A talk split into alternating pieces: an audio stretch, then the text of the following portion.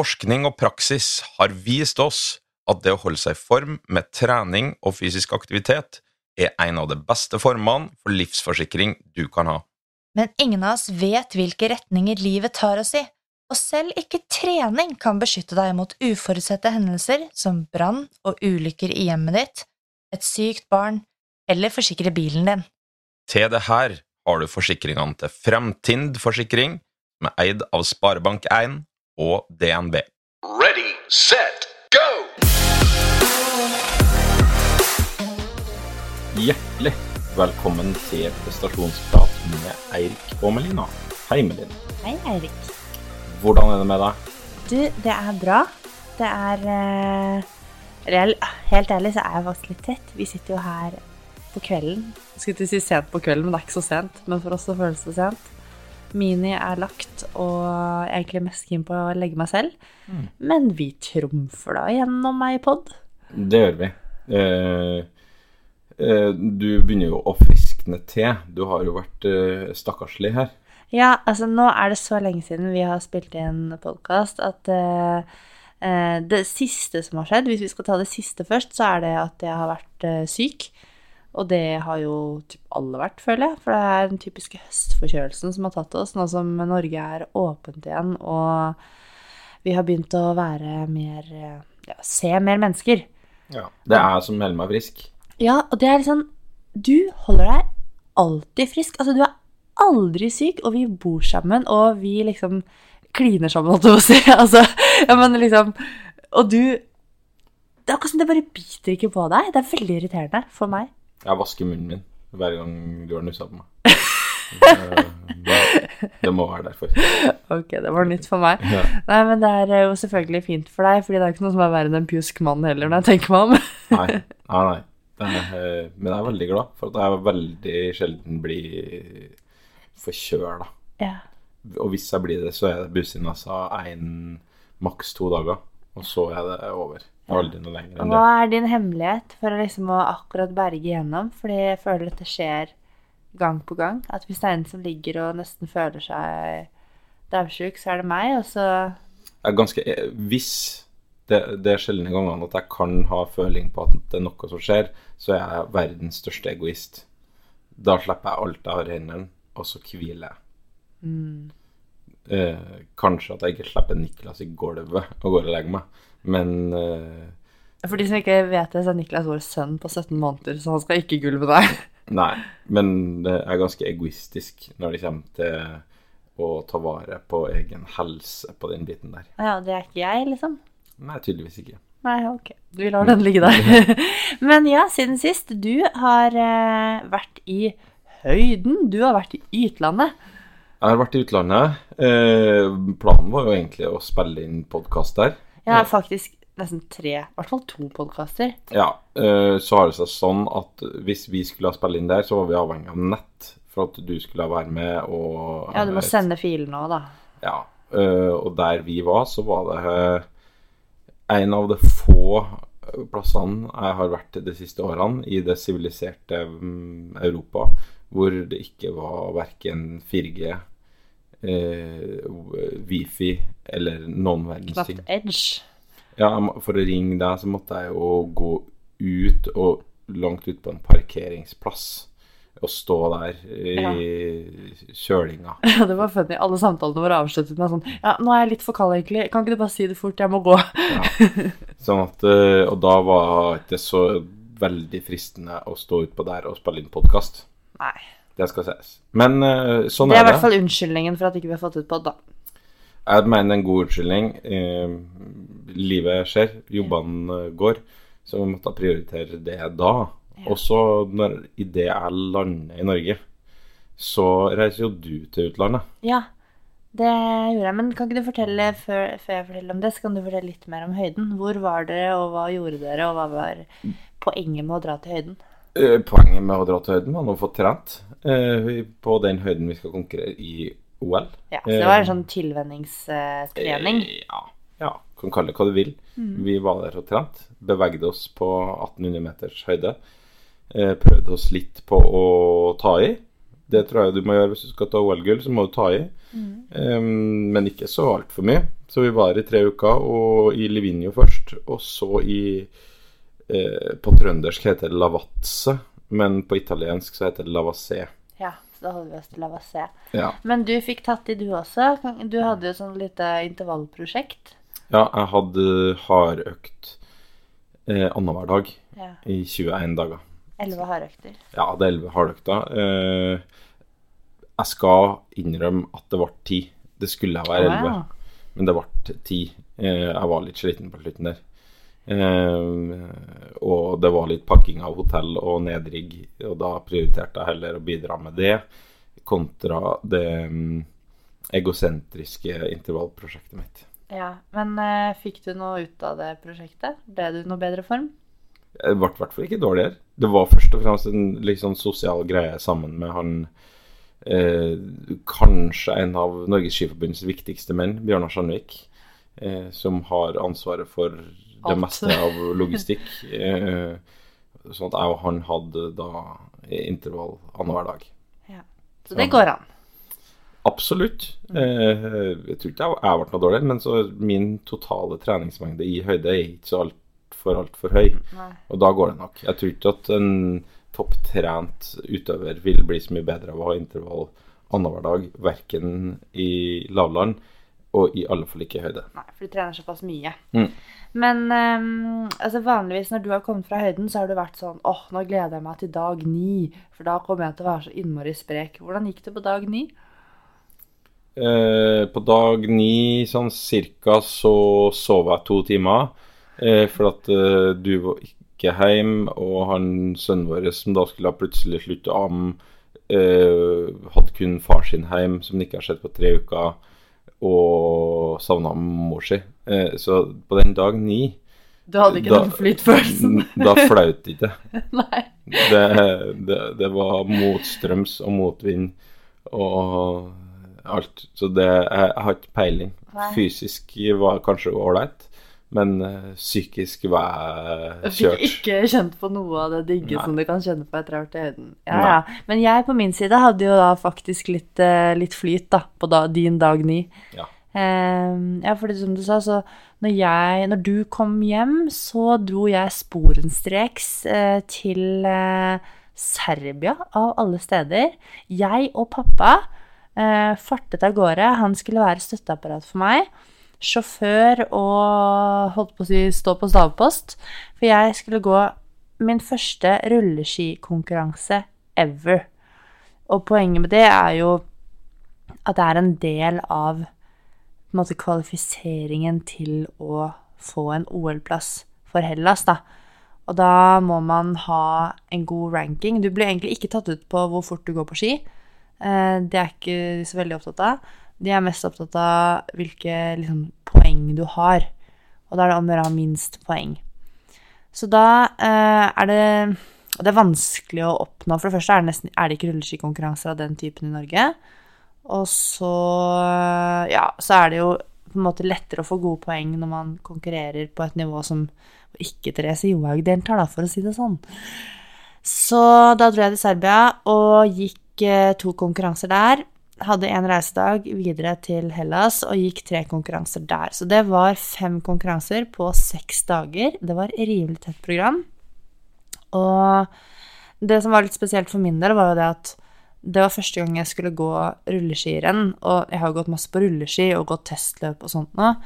Men det som var veldig annerledes, var at nå skulle jeg gå på helt andre type hjul, altså konkurransehjul. Og det går nå så inni holdt jeg på å si et banneord, men det går inn i granskauen fort. Og det blir en litt annen måte å gå på rulleski på enn det jeg er vant til, da. Så jeg hadde ikke veldig mye tilvenning til disse skiene, som jeg fikk låne av eh, Ragnar Bragvin. Han er jo Han er vel tidligere verdensmester på rulleski. Eh, Så det var veldig hyggelig, og fikk hatt en eh, litt sånn krasjkursøkt i de skiene sammen med Ragnar først, da, og det var liksom redningen, fordi jeg tror jeg hadde hatt, hadde hatt så dårlig selvtillit på de skiene hvis ikke vi hadde hatt den økta først, så jeg må bare sende en stor takk til Ragnar. Eh, Men i hvert fall så var det, mm, som det alltid er eh, nede i Mellom-Europa og Baltikum på den type sånn fiskkonkurranser, Da er det fem kilometer og sprint. Det er det som gås, liksom. Ikke at man skal gå en fem kilometer i OL, men, eh, men sånn er det nå. Så da fikk jeg i hvert fall prøvd to ting jeg ikke er så veldig god på. Det er både sprint og det er å gå på raske ski. Men det gikk mye bedre enn forventet. Eh, Jeg hadde jo prøvd å lade opp litt i forkant, og eh, jeg fikk med meg både en pallplass og et par fjerdeplasser, og det var ikke så dårlig som jeg kunne ha vært eh, i sprint heller, nedi der. Så, så alt i alt så, så er jeg fornøyd med turen, og det var veldig morsomt å være på tur med pappa, som er Altså, faren min er litt av en karakter. Han er en sånn Jeg vet ikke hvordan du vil beskrive han, en sånn litt sånn mafioso-type. Ja, det er 100 riktig. Ja. Han er mafia. Ja, han er ikke mafia, altså, bare sånn for the record.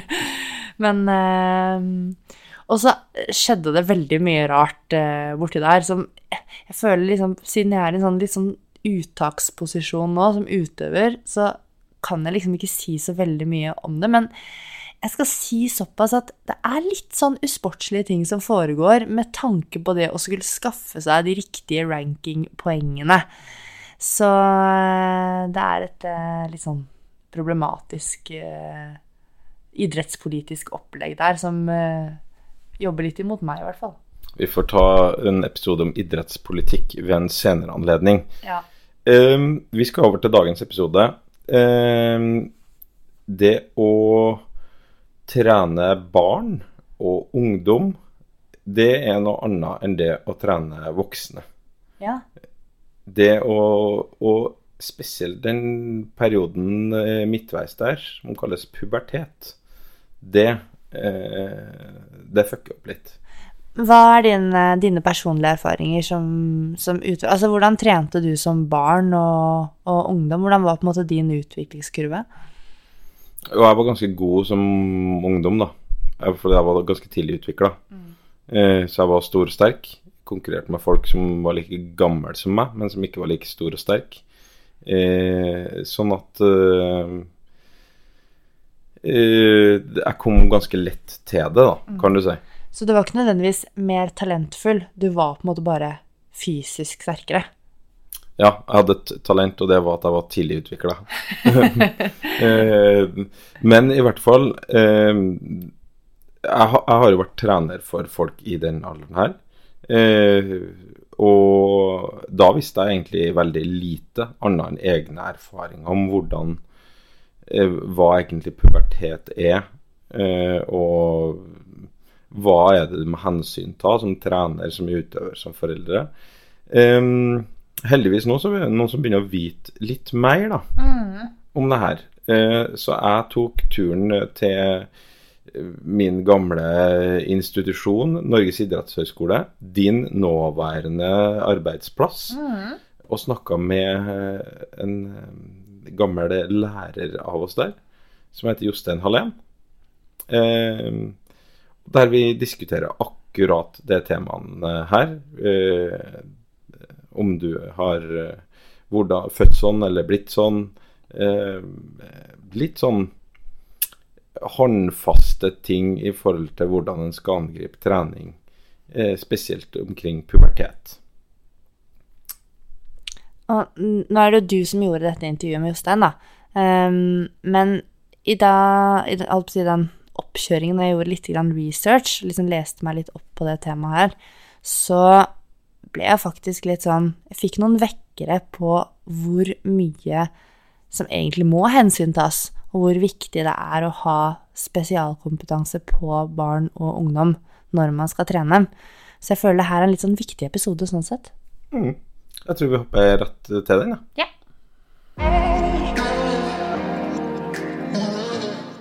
Temaet i dag syns jeg er veldig, veldig interessant. Eh, kanskje i en litt sånn egosentrisk eh, måte å se det her på, med tanke på at vår lille sønn da, han er nå 16 måneder gammel, og eh, vi klør jo som foreldre i fingrene etter å få han inn i idretten. Eh, gjerne organisert, både lagidrett, individuell idrett og etc. Eh, hvor vi har fått veldig mye spørsmål om det her, eh, som går på barn og ungdom og utvikling av eh, deres fysiske egenskaper og født sånn eller blitt sånn, da, som eh, denne episoden heter. Eh, til å hjelpe oss å belyse dette temaet, så er jeg veldig glad for å ha fått med en tidligere lærer av oss. Jeg husker ikke helt på om han var professor da. Han er i hvert fall professor nå. Så hjertelig velkommen til deg, Jostein Hallén. Tusen takk. Kan ikke du, for eh, dem av våre lyttere som ikke vet helt hvem du er, ta og introdusere deg sjøl? Jo, det kan jeg gjøre. Eh, først og fremst så er jeg her på idrettshøgskolen, så er jeg forsker, som du nevnte. Og, nei, du nevnte lærer, men jeg er også forsker. Så det betyr at jeg eh, lærer bort og forsker på fysiologi, og nærmere bestemt det vi av og til kaller arbeidsfysiologi, og av og til kaller treningsfysiologi. Og jeg jobber da på Institutt for fysisk prestasjonsevne. Um, uh, man kan kanskje komme litt tilbake til hva vi, som ligger i dette med fysisk prestasjonsevne. Um, men jeg vil også si at jeg er tidligere trener. Og siden jeg er i, uh, i dette fora her, så er det greit å understreke at jeg har vært uh, mellomdistanseløper. Snakker ikke så og så høyt om, men jeg har vært mellom- og langdistansetrener i mange år. Og sist i Tjalve, eh, en eliteklubb som har ganske mange gode løpere nå også. Så det er litt min bakgrunn, og som jeg tror er viktig også når man skal være forsker innenfor dette feltet. Jeg, skal jo, kan ta det med en gang. Da. for Det er jo, jeg husker på en, en time vi hadde med deg. Eh, jeg tror det var friidrett, faktisk. Eh, på mitt første eller andre år her på idrettshøyskolen. Da sa du noen ting som brente seg veldig fast til meg, og som jeg til stadighet jeg tipper, og eh, Hvis du går gjennom alle podkastepisodene her, som jeg sier ganske ofte For jeg får mm, spørsmål da, hvor, hvor mye hardt skal du trene, eh, hvor stor prosentandel av treninga skal være hardt. Eh, og det her kan være fra eh, mamma eh, som, og til en eliteutøver. Da husker jeg på du sa nå at jo mindre du trener, jo større prosentandel av treninga di bør være hard. Altså av høy intensitet. Jeg har ikke peiling på i, i hvilken sammenheng jeg har stilt noe spørsmål om det, men det er i hvert fall noe som eh, har brent seg inn til meg. Og jeg tror du visste av en slags sånn forslag på en person som trener fem ganger i uka, eh, en som trener tre ganger i uka, en som trener ti ganger i uka. Eh, Og til oss, eh, det laget jeg trener for, som trener da fort 14 ganger i uka, så er det ikke så stor Altså han som trener fem ganger, og han som trener 14 ganger i uka, han har egentlig ca. samme antallet hardøkter, da. Eh, var ditt forslag da? Eh, og jeg er jo ikke så uenig i det, for så vidt. Eh, og det har blitt en sånn ikke favorittquote. Jeg har ganske mange andre favorittquoter, men akkurat det beit jeg meg merke i. Eh, nå var det en digresjon, for så vidt. Vi skal jo snakke om noe annet i dag. Vi skal snakke om barn og ungdom og utvikling. Eh, vekst, modning eh, og, og den biten der som vi ambisiøse foreldre kanskje har Føler vi har om ikke peiling på, vi har sterke meninger om hvordan våre unge håpefulle skal bevege seg og være i aktivitet eh, for å utvikle seg best mulig. Eh, Hvorfor eh, har vi invitert deg til å, å hjelpe oss å snakke om det? Nei, det må jeg jo kanskje eh, vite sjøl. Nei, vi har studert det noen år, da. Hvordan trening sammen med vekst påvirker hverandre, og påvirker da prestasjonsevne og en del fysiske faktorer som har betydning for prestasjon i spesielt utholdenhetsidretter. Og, og i det her eh, bildet her, når vi snakker om det her, så er det jo tre ord som jeg føler går igjen veldig mye når vi og prøver å sette oss litt inn i det. Så det med vekst, modning, utvikling. hva er det som egentlig ligger i de begrepene her?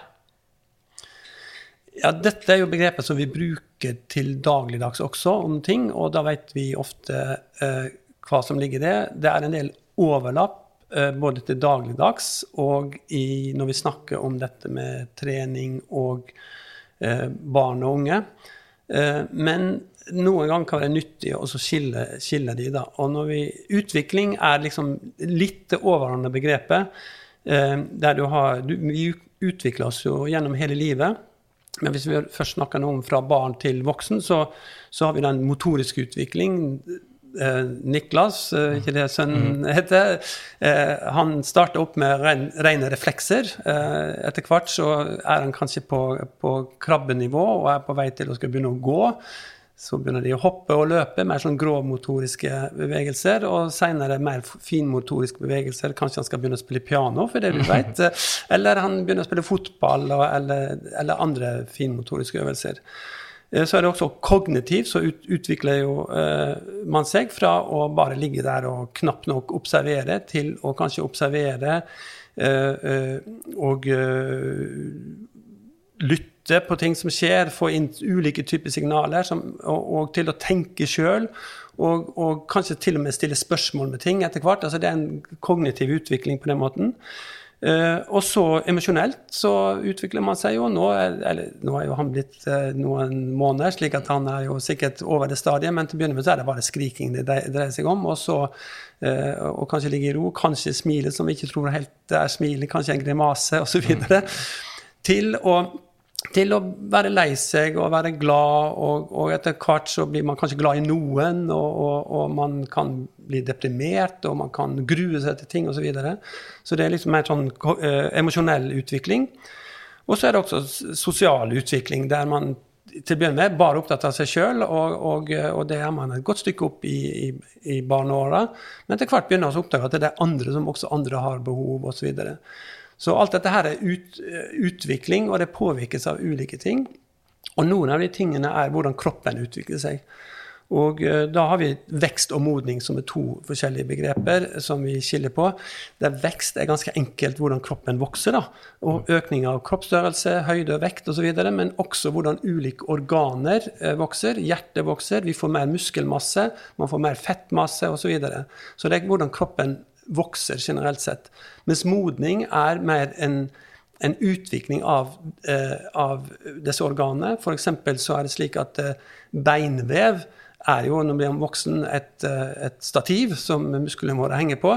Men i, eh, i barneåra så er det et levende, eh, levende vev som, som vokser. Det er vekstsoner osv. Og, så og det gjennom eh, barne- og ungdomsåra så modnes det. Mens også nervesystemet eh, modnes på, på ulike måter. Eh, eh, fra å være ikke helt utvikla i, i barneåra til å bli mer og mer utvikla. Men kanskje det viktigste i disse årene her er jo det som er eh, utvikling av eh, kroppen fra eh, barn, eh, relativt aseksuelt, til å være et eh, seksuelt ferdigutvikla kropp. Da. Og da kommer jo puberteten inn i, inn i bildet. Så puberteten er en veldig viktig del av denne modninga. Ja, og det, det der Jeg har jo Jeg har jo vært trener sjøl.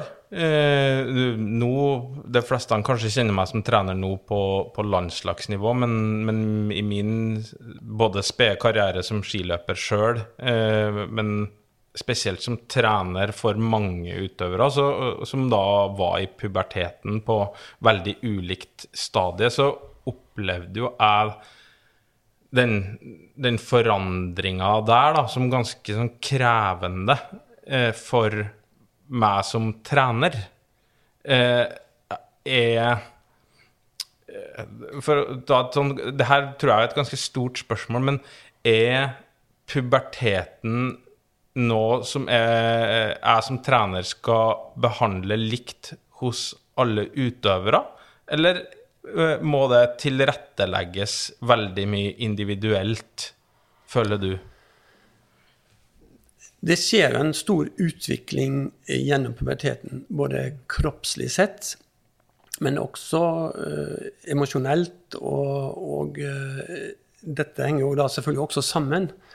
Eh, og det viktigste eh, er jo også at dette skjer på veldig ulik tid. Eh, eh, det er jo ikke slik at alle kommer i puberteten på samme tidspunkt, sånn aldersmessig. Det vi kaller kronologisk alder. Eh, puberteten kan jo starte så tidlig som, som eh, åtte år, eh, åtte-ni år hos, hos jenter, i, vel- i alle fall. Og noen kanskje ikke starter før de er både 12 og, og 13. Hos gutter er det typisk to år seinere, slik at der er det forskjell på, på jenter og gutter.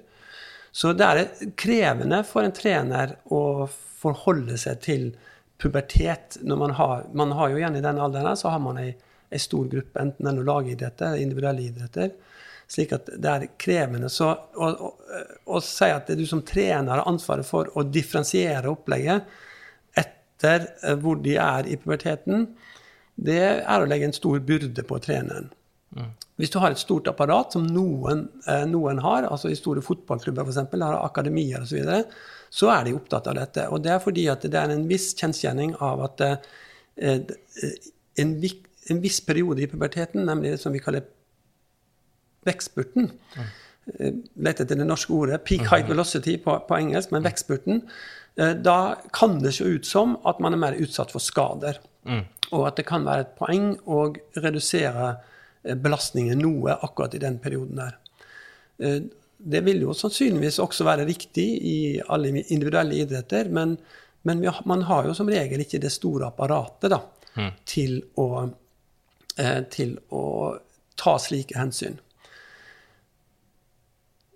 Hvordan løser man det da? Eh, Jeg håper vi kanskje kan komme litt tilbake tilbake til det, men, men det betyr kanskje at man kan eh, ha et opplegg som tilfredsstiller alle disse eh, ulike fasene som de er i.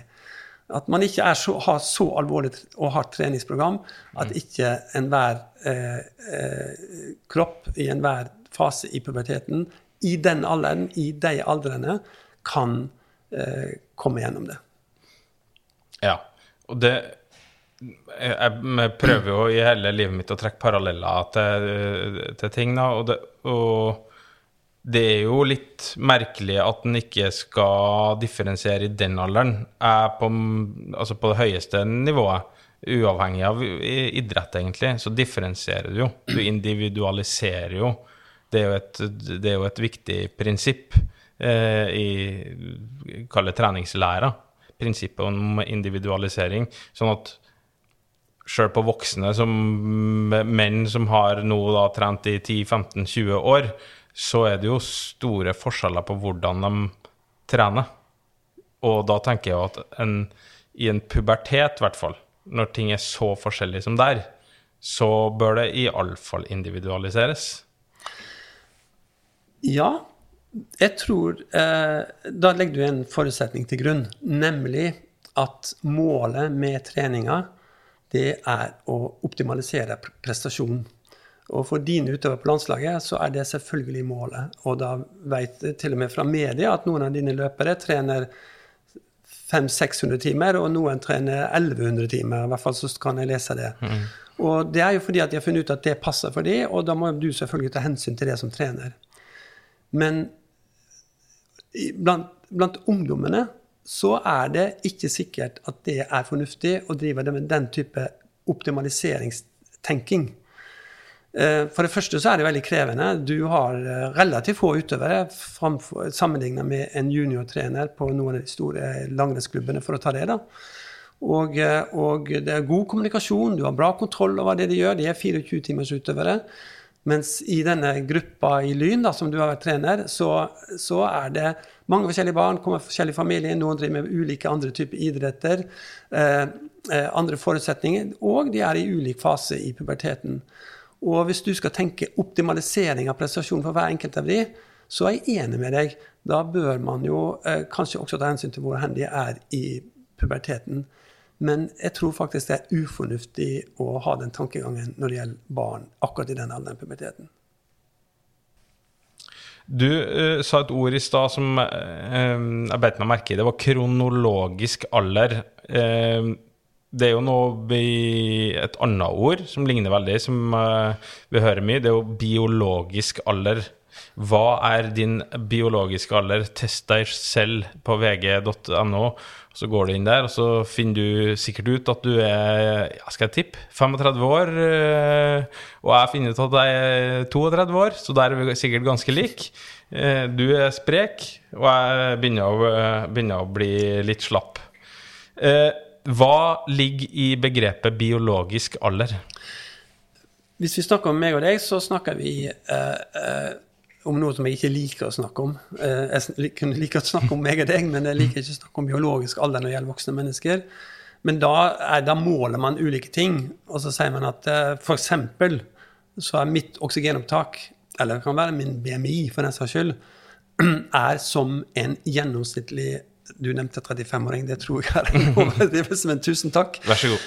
Eh, men eh, eh, eh, og, og det er en, en, en syns jeg, en ganske tøysete sammenligning. Det er faktisk også en del av mine kolleger som, som gjør dette, men jeg syns allikevel det er like tøysete. Fordi at eh, hva er et normal? Normal er i dette tilfellet gjennomsnitt, og skal alle være gjennomsnitt? Når du nevnte kronologisk alder i stad, så snakket vi altså om barn i puberteten. Og da har det en helt spesiell betydning. Eh, Det er slik at Kronologisk alder er rett og slett den bare kalenderalderen. Når du har bursdag og er tolv år, så er du tolv år. Det er den krono kronologiske alderen. Men barn, som jeg også nevnte så vidt, utvikler seg ulikt. Og noen utvikles, starter denne pubertetsperioden da, tidligere enn andre. Det kan være så mye som, som fem år tidligere enn andre. Det kan være så stor forskjell som fem år. Det er nok unormalt, men det kan være ganske stor forskjell. Og ikke nok med at de starter tidligere, men de utvikler seg også ganske raskt, kanskje. Og noen starter tidlig og utvikler seg seint osv. Så, videre. så det, det her er ingen Det er ikke delt ut et tidsskjema som alle følger gjennom puberteten. Det er stor variasjon. Og da er det noe som kalles biologisk alder, noen kaller det skjelettalder og forskjellige måter. Det kommer an på hvordan man, man måler det. Men, men det er en alder som egentlig beskriver hvor hen du er i puberteten og, eller utviklinga mot et voksent menneske. Eh, og, og det er det vi kaller da biologisk alder gjerne. da. Og den kan være veldig forskjellig. Og eh, vi har barn som vi har tatt inn i laboratoriet tolv år. Uh, gutt tolv år, uh, en eh, 36 og eh, 32 kilo.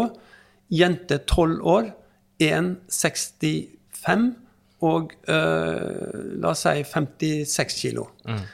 Samme alder, samme kronologisk alder, men veldig stor forskjell i størrelse. Og dermed også eh, Eller det er en av faktorene som sier at de har veldig forskjellig biologisk alder. Og dette går jo da på, på størrelse, rett og slett. Og hvis du skal teste deg i VG, så er det den måten de tester seg på. De tar gjennomsnittshøyden på mor og far, og så sier de at det er den høyden som du får, pluss minus litt. Og så ser du hvor mange prosent av den høyden du er da når du er, er barn. og så klassifiserer. Det er den enkleste måten. Vi gjør det litt mer komplisert her. Vi, vi, vi tar bilde av skjelettet ditt og, og prøv, eller til barna og prøver å finne ut av det på den måten her. Eller vi kan måle eh, eh, høyde på, lengde på overkropp, lengde på bein, og så kan vi gjøre noen kalkuleringer på det. Eller vi kan måle rett og slett hormoner. For det som skjer i puberteten, er jo eh, at du får en kraftig endring av hormonbalanse. Der gutter gutta først og fremst får eh, start av en produksjon av testosteron, som gjør noe med kroppen din. Mens eh, jentene får da eh, først og fremst eh, produksjon av deres eh, sexhormon, nemlig, eller kjønnshormon, nemlig østro, eh, østrogen. Men det, det her er jo mm, sikkert ikke et evigvendende tema, men det er så stor forskjell her, da. Du nevnte jo de to tolvåringene her. De driver jo med idrett. Eh, Kan være utholdenhetsidrett, kan være lagidrett. eh, hva som helst, egentlig. Eh, og, så er det sånn vi, Der konkurrerer du jo i kronologisk aldersklasser. Som, som i det her årene her, da, er jo litt urettferdig. På et vis at en ja, eh, en som har, er, har kommet veldig langt. Jeg kan jo relatere meg til det sjøl. Jeg har ikke vokst én centimeter siden jeg var tolv år. Eh, så jeg vant mine skirenn. Det gjorde jeg. Eh, kom ganske lett til det. Eh, Men mange av dem jeg konkurrerte med, det var jo det var som å stjele godteri fra unger. Det var jo urettferdig. Burde han ha tenkt mer på biologisk alder når han lager, kan du si, aldersklasser i, i, i det her segmentet av aldre? Ja, dette er en stor debatt, ikke bare i idrett, men også på, i skolen. Eh, og eh, det er noen fordeler med å gruppere barn etter biologisk alder, eh, og det er også en god del ulemper. Og, eh, og eh, tror at i det store så er ulempene større enn enn- enn fordelene. Og så er det jo eh, Det vil være vanskelig å gruppere barna i skoleklasser etter biologisk alder. Eh, Og det er også slik at eh, når jeg snakket om biologisk alder i stad, så snakket jeg om mye kroppsstørrelse og hvordan kroppen utvikler seg. Men det er ikke nødvendigvis slik at det mentale utvikler seg parallelt med kroppen. Og det er av og til vi møter, eh, også i laboratoriet her, eh, litt store gutter som man tenker er nesten som en voksen mann, kanskje 13-14 år når vi har det inne i laboratoriet. Og så når vi snakker med dem, så oppdager vi at dette er et barn. Og så kan det komme en liten pjokk inn som, som spør ganske avanserte spørsmål om målemetodene våre, og hvorfor vi gjør det. Slik at det, det, det, er, eh, det er forskjell på både intellekt og, og intellektuell utvikling eh, og eh, sosialt, hvordan sosialt utvikler seg osv. Mm. Og i skolen så blir jo alle disse faktorene blanda sammen, og, og derfor så kan det være viktig eh, Derfor så kan det være vanskelig å finne ut hvordan man skal dele det der. Og en annen ting er jo at barna er jo vant til dette her. sant? De, er jo, de, de skjønner jo det at, du, at jeg er liten nå, men så blir de fortalt av foreldrene at eh, bare vent til du er 17, så blir du like stor som Petter, som er mye større enn deg nå. sant? Og, og alt det der. Så de, de er vant til å takle det. Men det er et interessant spørsmål, dette med rettferdig. Og da kommer jeg faktisk tilbake til noe av det samme svaret jeg ga i stad, ut ifra en, en sånn voksentenking. Eh, dine utøvere er fulltidsutøvere. De gjør faktisk ikke noe annet. så vidt jeg vet, De fleste av de, de har sin inntekt og, og sin lønn fra skigåing. Det er veldig alvorlige greier. Og de vil nok synes det var ganske så urettferdig eh, hvis f.eks. jentene skulle måtte konkurrere med gutta, da, og premiepengene skulle bli delt ut etter hvem som kom først i mål. Eh, og, eh, og samme hvis noen måtte gå lenger enn andre, eller et eller annet sånt. Så, så det, da er man veldig opptatt av rettferdighet, og det må være veldig nøye kontrollert. Fordi at det er så alvorlig. Hvis man overfører den samme alvorlighetsgraden ned til barna, så er det klart superurettferdig. Men eh, jeg tror en av måtene man kan løse det på, det er å ikke ta det som alvorlig med barna. Prøve å innprente at det, det er forskjeller her. Hva så? Eventuelt tenke på konkurranseformer. Eh, lage stafettlag. Der man, altså, altså gjøre ting som gjør at det, det ikke, denne forskjellen ikke blir så synlig for, for den enkelte. Og også ha klart høyde for å forklare at det, ok, det er forskjeller. De barna vet det. Men det er også noen fordeler med å, med å biobende, som det heter. Det han, eh, som betyr egentlig eh, klassifisere etter biologisk alder. Bio, eh, biologisk alder. Og det er jo klart at, Men kanskje ikke så mye innenfor individuelle idretter. Jeg kan også se ting der, men jeg vet at dette er prøvd innenfor lagidretter, spesielt fotball. I England så har de gjort noen forsøk på dette. Og det er klart at det er de gutta som er tidlig utvikla, hvis vi nå snakker om gutter, spiller mot eh, eh, barn, eh, gutter som er min, seinere utvikla, mindre, så vil de kunne veldig mye spille på sin fysiske styrke. Og, og, og eh, det er ikke nødvendigvis de egenskapene som blir, som blir bare verdsatt, i hvert fall, når de blir voksne og de blir like. Så det å flytte de da opp en klasse vil kunne gjøre at de må mer spille på sine tekniske ferdigheter og utvikle de ferdighetene. Og det tilsvarende er faktisk for de barna som, som da blir flytta ned en klasse. At de istedenfor å måtte eh, de, de, tape hele tida pga. fysisk styrke, så får de utvikla de tekniske ferdighetene og taktiske ferdighetene og spille på de tingene. Eh, så det er noen fordeler, men jeg tror de som jobber med det, de er, konkluderer med at det kan vi gjøre i noen tilfeller, men det er ikke det som skal være den generelle regelen. Man skal ikke bygge serien rundt det. i hvert fall. Men dette er relativt nytt, og det kan komme nye ting inn, inn her. da. For det, det her er jo eh, Hvis jeg skal relatere til meg sjøl, da. Som Jeg var fryktelig tidlig utvikla og stor og sterk og, som jeg sa, vant mine skirenn. Kom ganske lett til det. Eh, sånn i retrospekt av det, så eh, tror jeg jo at personer som meg, da, som er så tidlig utvikla eh, Jeg tror ikke det er mange av oss som har blitt veldig gode i idrett. Eh, fordi vi er kommet litt for lett til det. Her, så Det eksempelet du eh, drar fram her, det er jo en måte på å sørge for at de som er fysisk overlegen en periode, at de faktisk må fortsette utviklinga si eh, ved å møte noen som utfordrer dem.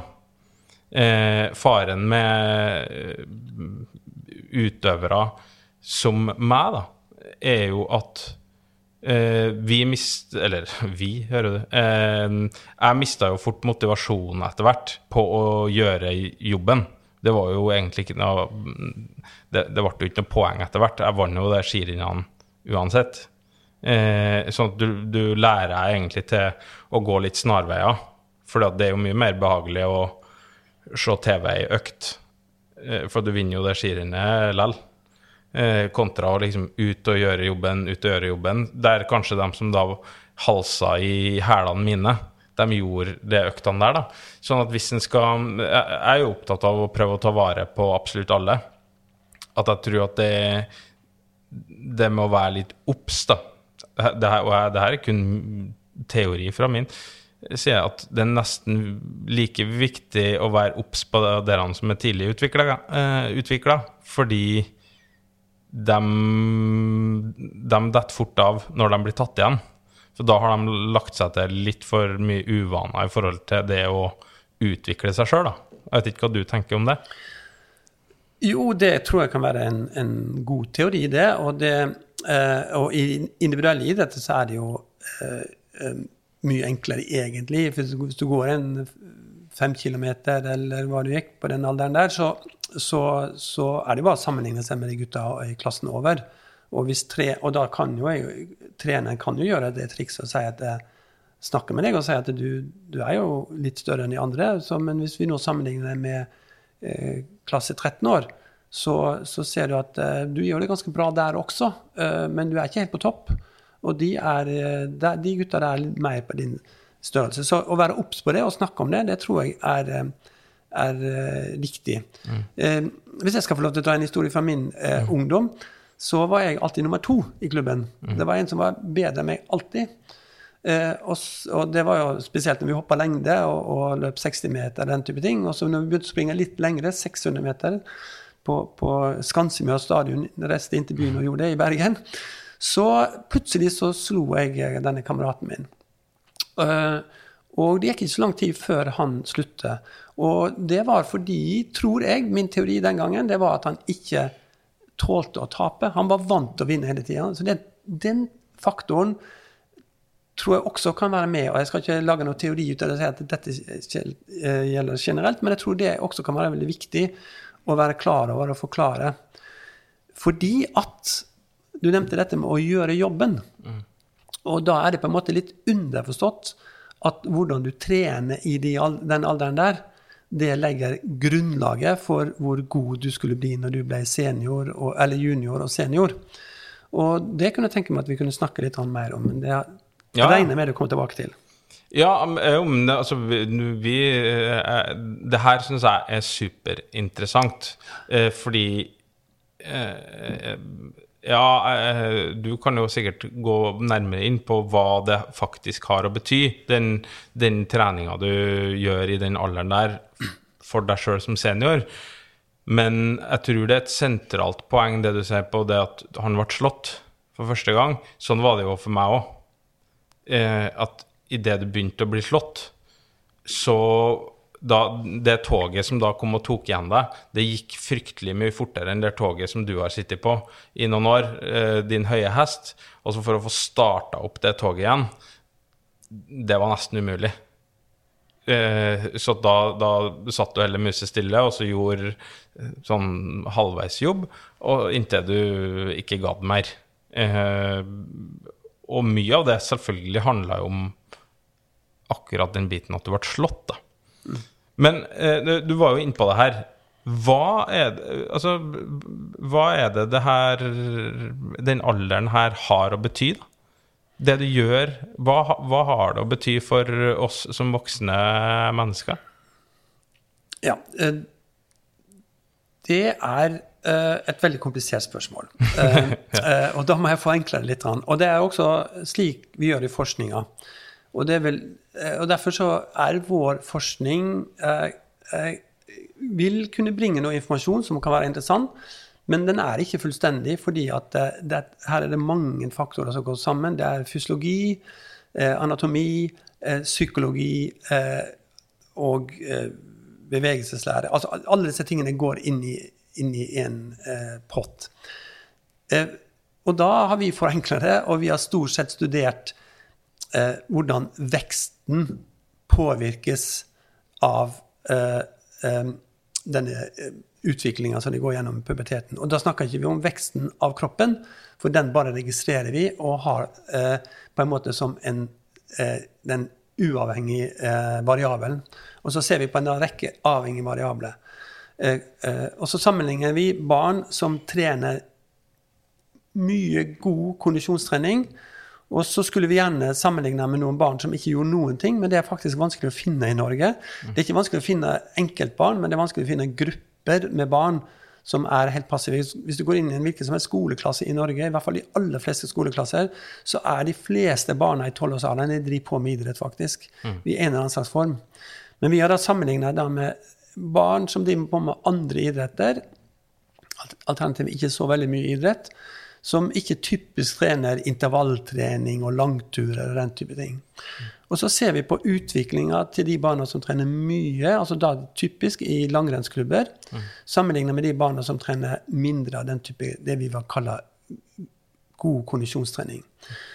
Og da ser vi på viktige strukturer som eh, hjertestørrelse, som blodvolum, som vi vet har betydning for eh, eh, det maksimale oksygenopptaket, og vi måler også det maksimale oksygenopptaket.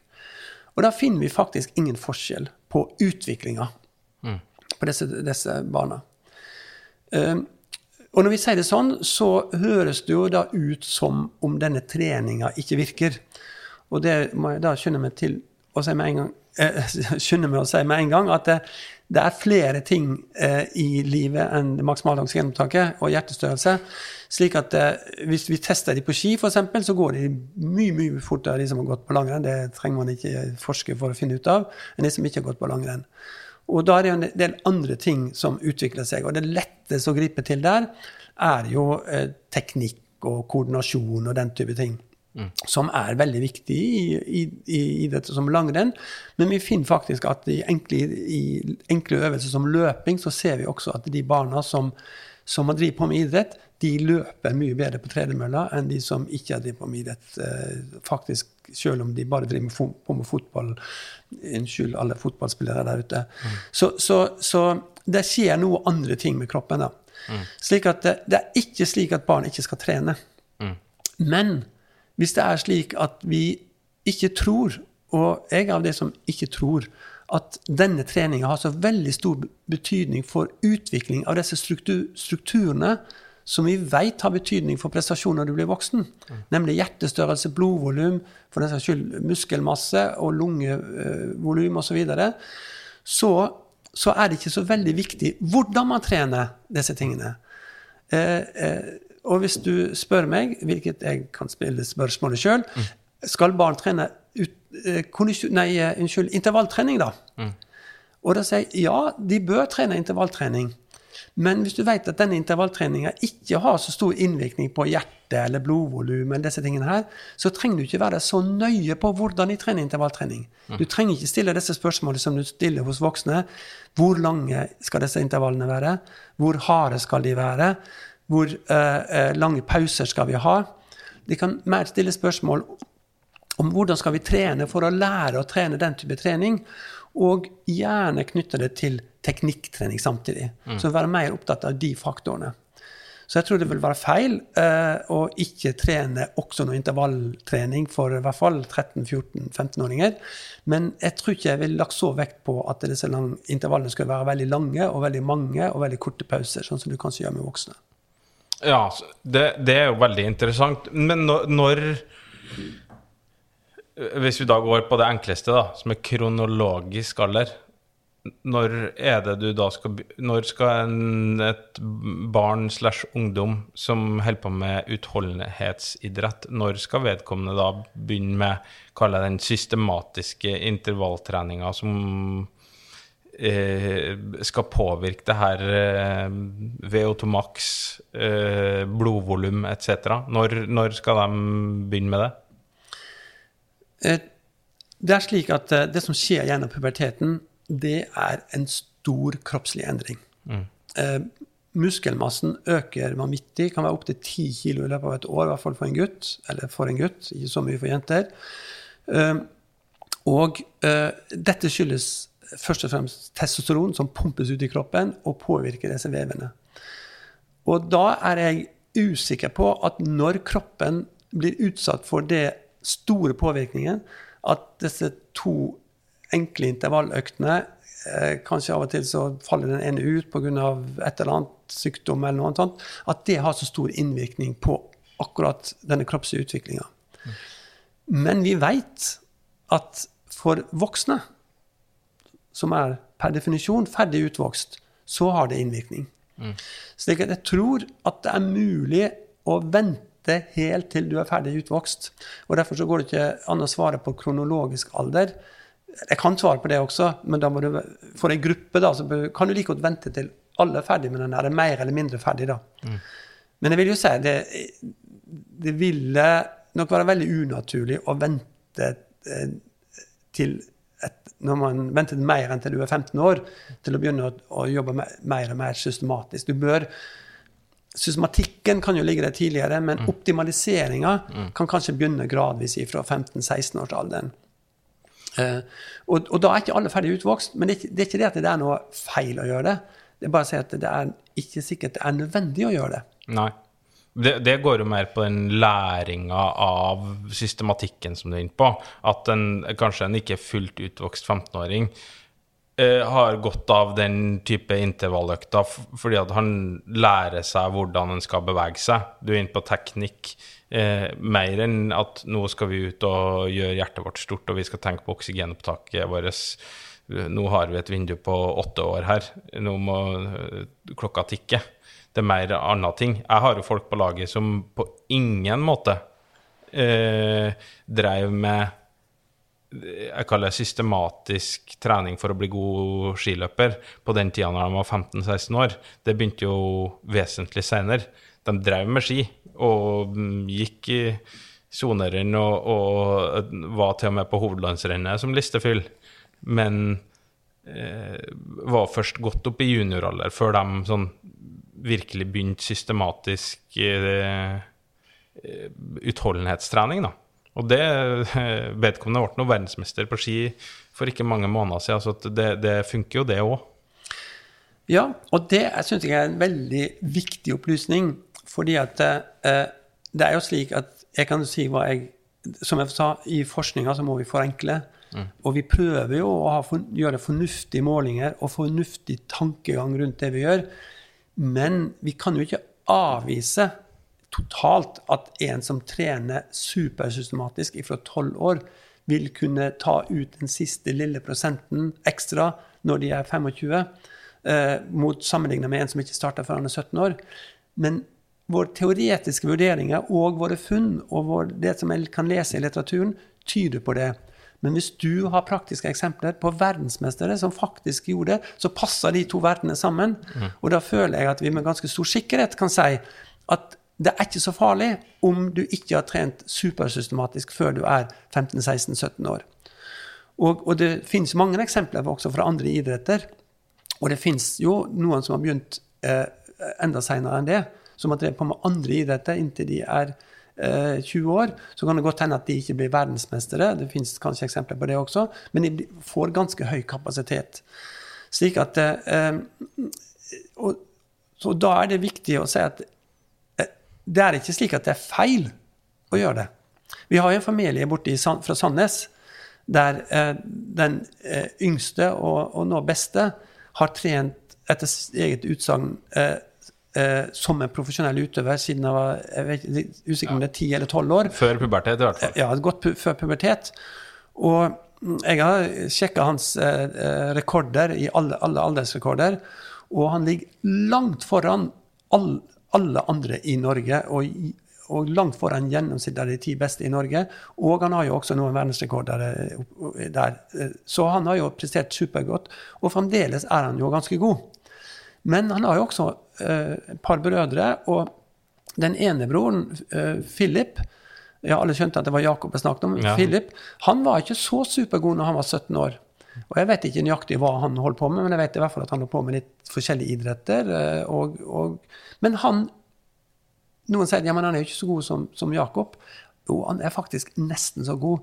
Det å løpe på, eh, på eh, 3.30 og 3,28 er veldig liten forskjell, og det er langt, langt foran alle andre eh, i Norge, bortsett fra da den eh, eldste av de tre brødrene der. Eh, slik at det er ekstremt mye bedre enn de andre, og i sånn forskningssammenheng omtrent helt likt. Og, de Mm. Ja, hadde, det- og de hadde forskjellig utvikling. Så, sånn at eh, vi, vi, vi kan finne eksempler på begge deler. slik at Det er ikke slik at det er feil, men spørsmålet er om det er nødvendig. Og hvis det ikke er nødvendig, så er min tanke, og jeg tror mange vil like den tanken, nemlig at hvis man trener på en måte sånn man får med seg flest mulig, så er ikke det slik, eller driver en gruppe, så er ikke det slik at man sperrer mulighetene for de som vil bli verdensmester. For det er det som mange er redd. Hvis ikke vi starter med denne treninga nå, i 13-årsalderen, så vil vi stoppe denne utviklingen. Da vil ikke denne eh, sønnen min, dattera mi, eller eh, denne gode utøveren vi har på laget, bli eh, verdensmester. Og det tror jeg nesten vi kan avvise. At du kan godt starte når du er tydelig seinere, og ta ut hele ditt potensial. Og det syns jeg er en interessant tanke, og en veldig viktig eh, informasjon. Eh, og så sier jeg det med relativt stor eh, overbevisning, men jeg kan ikke være 100% sikker på noe i dette. her. Det skjer så mange ting i den, de aldrene. Ja, eh, det- det er mm, utrolig interessant å høre. Og så er det jo en Stort sett, da, så når vi eh, er guttetrener og er vant til gutta, eh, og er gutt sjøl, så vet sånn cirka hvordan puberteten påvirka meg. Eh, Og så vet vi jo at på jentesida så er det jo noe annet som skjer. Er det Hva er forskjellen på gutter og jenter før og etter pubertet og gjennom puberteten på, uh, innenfor det vi har snakka om? Før pubertet så er det små forskjeller på jenter og gutter, også prestasjonsmessig. Noen finner noen forskjeller, noen finner faktisk ingen forskjeller. Og så er det jo slik at jentene ligger litt foran i utvikling, i gjennomsnitt to år foran. Eh, Så det kan ha noe med det å gjøre. Men i puberteten så er det to vidt forskjellige ting som skjer med gutter og jenter. Som er nevnt, så får gutta en økt testosteronproduksjon, og det øker først og fremst muskelmassen. Eh, Det vil også i gjennomsnittsgutten ha også litt innvirkning på fettmassen, men ikke så mye. Mens jentene de eh, får eh, østrogen, og det gir forskjellige utslag. Eh, Kroppsfasongen endrer seg. Det gjør det også på gutta, men på en annen måte. Men de får mer fett. Så det betyr at hos begge gruppene så går vekten opp. Hos gutta mest pga. økning i muskelmassen. Hos jenten både pga. økning i muskelmasse og fettmasse. Og det betyr at prestasjonsevnen til gutta gjennom puberteten øker helt uten å gjøre noen trening. Sant? Jeg vet ikke nøyaktig hvordan du trente, men du, du tipper du ble bedre gjennom puberteten. Og du var inne på at du kanskje ikke la altfor mye i det eh, i treninga, men den økte. Du ble bedre. Hos jenter så kan den også øke, men den kan også stå stille, eller kan sågar gå litt ned. Pga. grunn av denne økte eh, eh, kroppsmassen, som ikke er i idrettssammenheng, i langrenn, løping osv., så, videre, så funksjonelt vev. Og det ligger en veldig stor eh, eh, eh, fare i det. Fordi at det øyeblikket man forteller dette til jentene, eller de blir obs på det, eller sammenligner seg med andre jenter som kanskje klarer å opprettholde prestasjon, ser kanskje at de jentene endrer seg ikke så mye kroppsfasong. Det kan være to årsaker til det. Det ene kan være at de er seinere i utviklinga. Og det andre kan være at de har andre gener som gjør at kroppsfasongen ikke virker sånn. Men det verste er hvis det er fordi at de har innsett at Eller antar at det å spise mindre gjør at man ikke legger så mye på seg, og vil man opprettholde prestasjonsevnen. For det er en veldig skummel ting. For det vi ser nemlig eh, eh, Og her er et område som trengs mer forskning, men annen, andres forskning viser at dette har innvirkning på utvikling av skjelettet, f.eks., slik at det er en suboptimal utvikling av eh, skjelettet. Men vi ser at de jentene som ikke legger på seg fett, de får også en suboptimal utvikling av blodet sitt. Så det er ekstremt viktig å ha fokus på, selv om vi vet at vekt har betydning i, denne, i, denne, eh, i, disse idrettene våre, så er det ekstremt viktig å ikke ha fokus på det gjennom puberteten. For det fører til en suboptimal utvikling av kroppen, eller tydelig gjør det, og at det har, eh, kan få langvarige konsekvenser. Mm.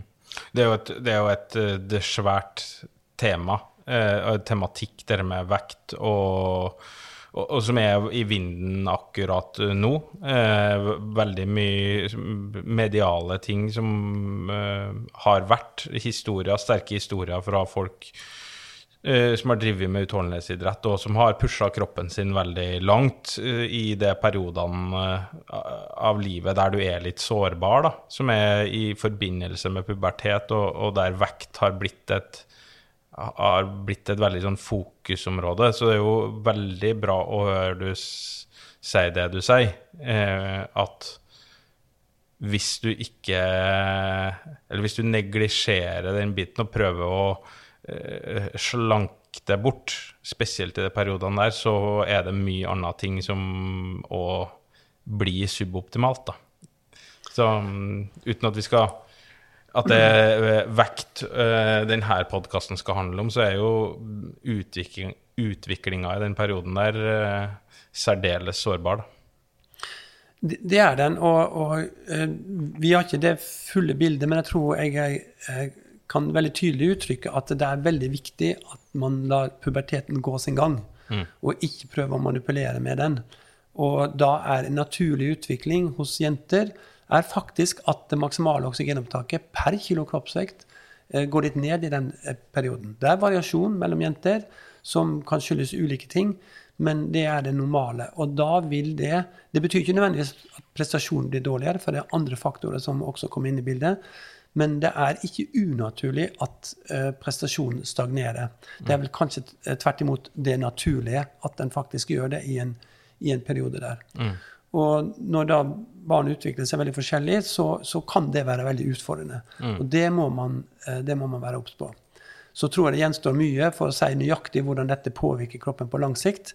Men, men det er ikke nødvendig, mm. også ut ifra eh, andre perspektiver, å eh, prøve å lure puberteten. Det, det, har ikke noen innvirkning på hvor god du skal bli seinere i livet. Nei. Det uh, tror jeg vi lar være siste kloke ord i den, uh, det kapitlet der. Vi nærmer oss slutten uh, på en veldig god samtale. Um, og så må jeg spørre deg, Jostein. Hva er det som skal til fra min side som trener fra, og andre trenere rundt omkring i Norge hvordan kan vi være med på å påvirke da, at flest mulig holder på lengst mulig? Holder på gjennom puberteten, eh, de litt vanskelige årene der. Hva, hva skal vi gjøre? Nei, det er jo en utfordrende år fordi at vi er i en setting der vi veit at det dreier seg noe om å prestere. Og så er det alle disse utfordringene som vi har vært inne på. Um, men jeg tror at hvis man klarer Det er jo helt, egentlig fantastisk og unikt at vi i Norge uh, har noe som heter barneidrettsbestemmelsene. Der det ikke er lov å rangere eh, barn eh, før alder tolv år. Og det har ikke jeg sett noen andre plasser i verden. Jeg er litt usikker på om det finnes, eh, selv i Norden. Og når jeg nevner dette i internasjonal sammenheng, så lurer de på om jeg snakker sant. Men det er nettopp ta fokuset bort fra dette med å, å øh, At det er konkurransen og først og fremst som er det viktige. Eh, jeg tror, men jeg vet at det er helt umulig, at hvis vi kunne klart å holde på det enda lengre For at nettopp gjennom disse viktige pu- pubertetsårene der barna skiller seg, så ville det kunne vært en fordel. Jeg vet at det er ganske umulig å få til, og ut ifra noen hensyn så er det kanskje heller ikke fornuftig. Og det er noe som heter tekniske idretter, som setter store krav til teknikk. Det er jo for så vidt også langrenn, men, men det er noen idretter som er enda mer teknisk krevende. Eh, og det er klart at det, det må man øve på i ung alder. Eh, sånn at det, eh, det, er, ikke fornuftig å ta konkurranse, konkurransedelen bort. Og noen blir jo trigga av det også, selvfølgelig. Men det å prøve å nedtone det så mye som mulig innenfor en sånn gruppedynamikk, tror jeg hadde vært bra. For jeg tror, eh, Nå er ikke det mitt felt, men grunnen til at man fortsetter med idrett, kanskje til og med uten at man presterer så veldig bra, er jo fordi at man trives i gruppa. Og hvis man klarer å jobbe med den faktoren, ha type arrangementer, ha type treninger, ha type settinger som gjør at det, det at gru- å være sammen som en gruppe er det viktigste, så tror jeg det er større sjanse for å holde på barna litt lengre. At det ikke blir så alvorlig. Eh, og det beste bidraget jeg tror jeg kan ha i det bildet, det er å si at det, det er ikke slik at det å ikke ta ting så alvorlig, at det stenger muligheten for å kunne prestere når du blir voksen. Det er jeg ganske overbevist om. Og hvis folk tror på det, det er jeg sikker på at ikke alle gjør, men kanskje noen tror på det, så tenker man kanskje sånn at eh, vi, eh, vi kan klare å opprettholde Vi kan ha større fokus på det å være sammen en gruppe, i som en gruppe. Og jeg var en gang eh, lærer på et tror det heter D-kurs den gangen. Det var Åge Skinstad som arrangerte det. Og eh, da eh, det, Noe av det beste feedbacken jeg har fått noen gang fra å ha hatt et kurs, det var at jeg sa på kurset at eh, gjennom denne vanskelige eh, videregående skolealderen så får du det meste ut av treninga hvis du trener bra fem ganger i uka. Du må ikke trene hver dag, og noen, i, noen dager to ganger. Du kan likevel få det meste ut av kroppen din, og du stenger ingen mulighet til å bare trene fem, fem dager. Sa jeg på det kurset. Ikke sikker på om Åge Skinstad likte det, men i hvert fall så fikk jeg en mail tilbake fra en trener for et eh, damejuniorlag som sa at det var en øyeåpner for henne. Og når hun sa det til jentene, så ble det en superstemning i jentene. Og de jentene som hun hadde mistanke om kom til å slutte pga. at de tok det så alvorlig, de fortsatte. Eh, og det, jeg mener virkelig det at hvis man trener fem ganger i uka ordentlig, eh, eh, så vil man kunne ta det meste ut av sitt talent i den alderen der. Det holder selvfølgelig ikke på seniornivå, men i den alderen der. Og det var nettopp fokus på samhold i gruppa som, som var viktig. Så, så hvis man kan øke det fokuset litt grann, Jeg vet at i mange klubber har et stort fokus på det, men, men ha ekstra fokus på det, så tror jeg ikke man stenger for de beste, men man gir muligheter til de som nødvendigvis ikke er best, i hvert fall i den alderen. Det var så kloke ord at det, det har ingenting å følge opp med. Det jeg er veldig, veldig enig.